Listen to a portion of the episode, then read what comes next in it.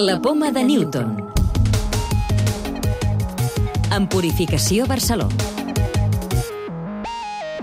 Descobreixen com prevenir la leucèmia més prevalent entre els infants serà el tema central del programa d'aquesta setmana en el qual també sabrem més coses sobre l'obesitat infantil i sobre un estudi d'un possible tractament de l'infant amb un fàrmac activat per llum.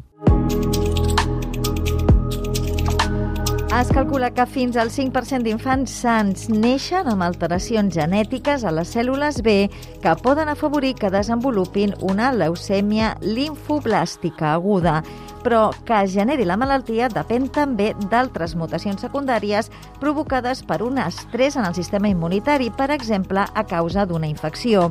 Científics del CSIC han actuat contra aquestes altres mutacions i han demostrat que aquesta estratègia podria prevenir la leucèmia. Isidro Sánchez García es el responsable del estudio. Uno de los descubrimientos que hemos hecho importantes es que solo aquellos niños que están expuestos a un inmunoestrés, como puede ser la exposición a infección, que están todos los niños, o tratamientos con antibióticos, solo algunos de ellos desencadenan la enfermedad. Eso presupone que si una infección o un inmunoestrés es el detonante de la aparición de la enfermedad, la enfermedad se puede prevenir.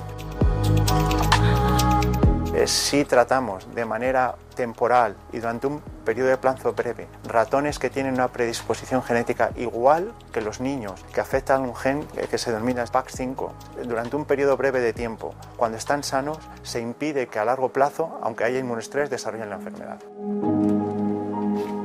por primera vez se impide el desarrollo de la enfermedad mediante un, tratamiento temporal muy poco agresivo que específicamente elimina las células premalignas. Por lo tanto, casi no tiene toxicidad realmente abre un, un, rayo de luz en todo este campo de la prevención porque se, se, va a poder prevenir el desarrollo de la enfermedad en persones que tienen predisposició genètica. El fàrmac que han utilitzat ja està aprovat per altres tipus de càncer infantil i per a malalties immunitàries, la qual cosa facilitarà el procés perquè pugui arribar als pacients. Més coses. Els infants obesos tenen alteracions cerebrals similars a les que provoca el trastorn obsessiu-compulsiu. És el que han descobert investigadors de l'Hospital del Mar i de l'Institut de Salut Global de Barcelona que han analitzat imatges de ressonància magnètica del cervell de 230 nens i nenes han demostrat que en l'obesitat hi ha d'altres elements implicats més enllà dels mals hàbits alimentaris. Jesús Pujol, responsable de l'estudi. El cervell es comporta com el cervell d'un obsessiu i el nen pensem que, que tot sol no se'n sortirà i que necessita ajuda. L'ajuda, òbviament, psicològica, encaminada pues, no només al mal hàbit del menjar, que ja és molt conegut i tal, sinó també encaminada a l'obsessió. Investigadors de l'Institut de Química Avançada assagen un fàrmac activat per llum per millorar la recuperació després d'un infart. El fàrmac només actuaria a la zona danyada per evitar el deteriorament del cor quan s'oxigena l'àrea afectada per un infart. Amadeu Llevaria és un dels responsables de la recerca. L'il·luminació el que et permet és, diguéssim, localitzar espaialment la zona que tu vols tractar, però no una altra zona del cor on no necessites l'efecte del fàrmac. Una regulació espaciotemporal, o sigui, de lloc i de duració.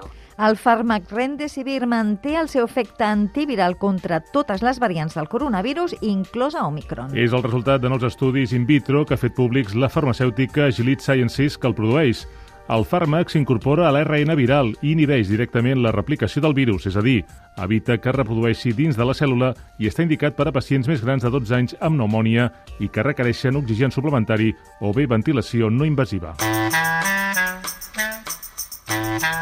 Llibres de ciència.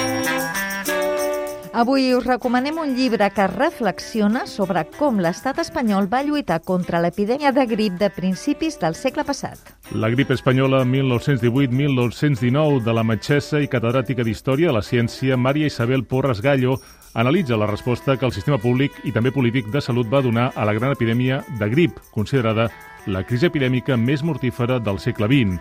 La seva tesi és que la lluita contra la infecció va transformar la societat en molts sentits durant dècades, però que les propostes de reforma que es van fer llavors, tant sanitàries com també socials, no es van arribar a materialitzar mai. Conclou que es va perdre una gran oportunitat per fer front a futures pandèmies com ha estat ara la de la Covid-19. La clau de volta. Perquè el càncer de mama amb més mal pronòstic se l'anomena triple negatiu. Laura Sousser, cap de modelització de teràpies antitumorals de l'Institut d'Oncologia Vall d'Hebron. El cáncer de mama triple negativo es el más metastásico y el más difícil de tratar. Se llama triple negativo porque le faltan algunos receptores que en este momento pueden ser tratados con medicina personalizadas, con terapias dirigidas contra estos receptores. Desafortunadamente, las pacientes con cáncer de mama triple negativo no tienen estas dianas para terapias. Recordeu que podeu descarregar-vos el podcast de la Poma de Newton o subscriure-us al programa per rebre'l directament als vostres dispositius.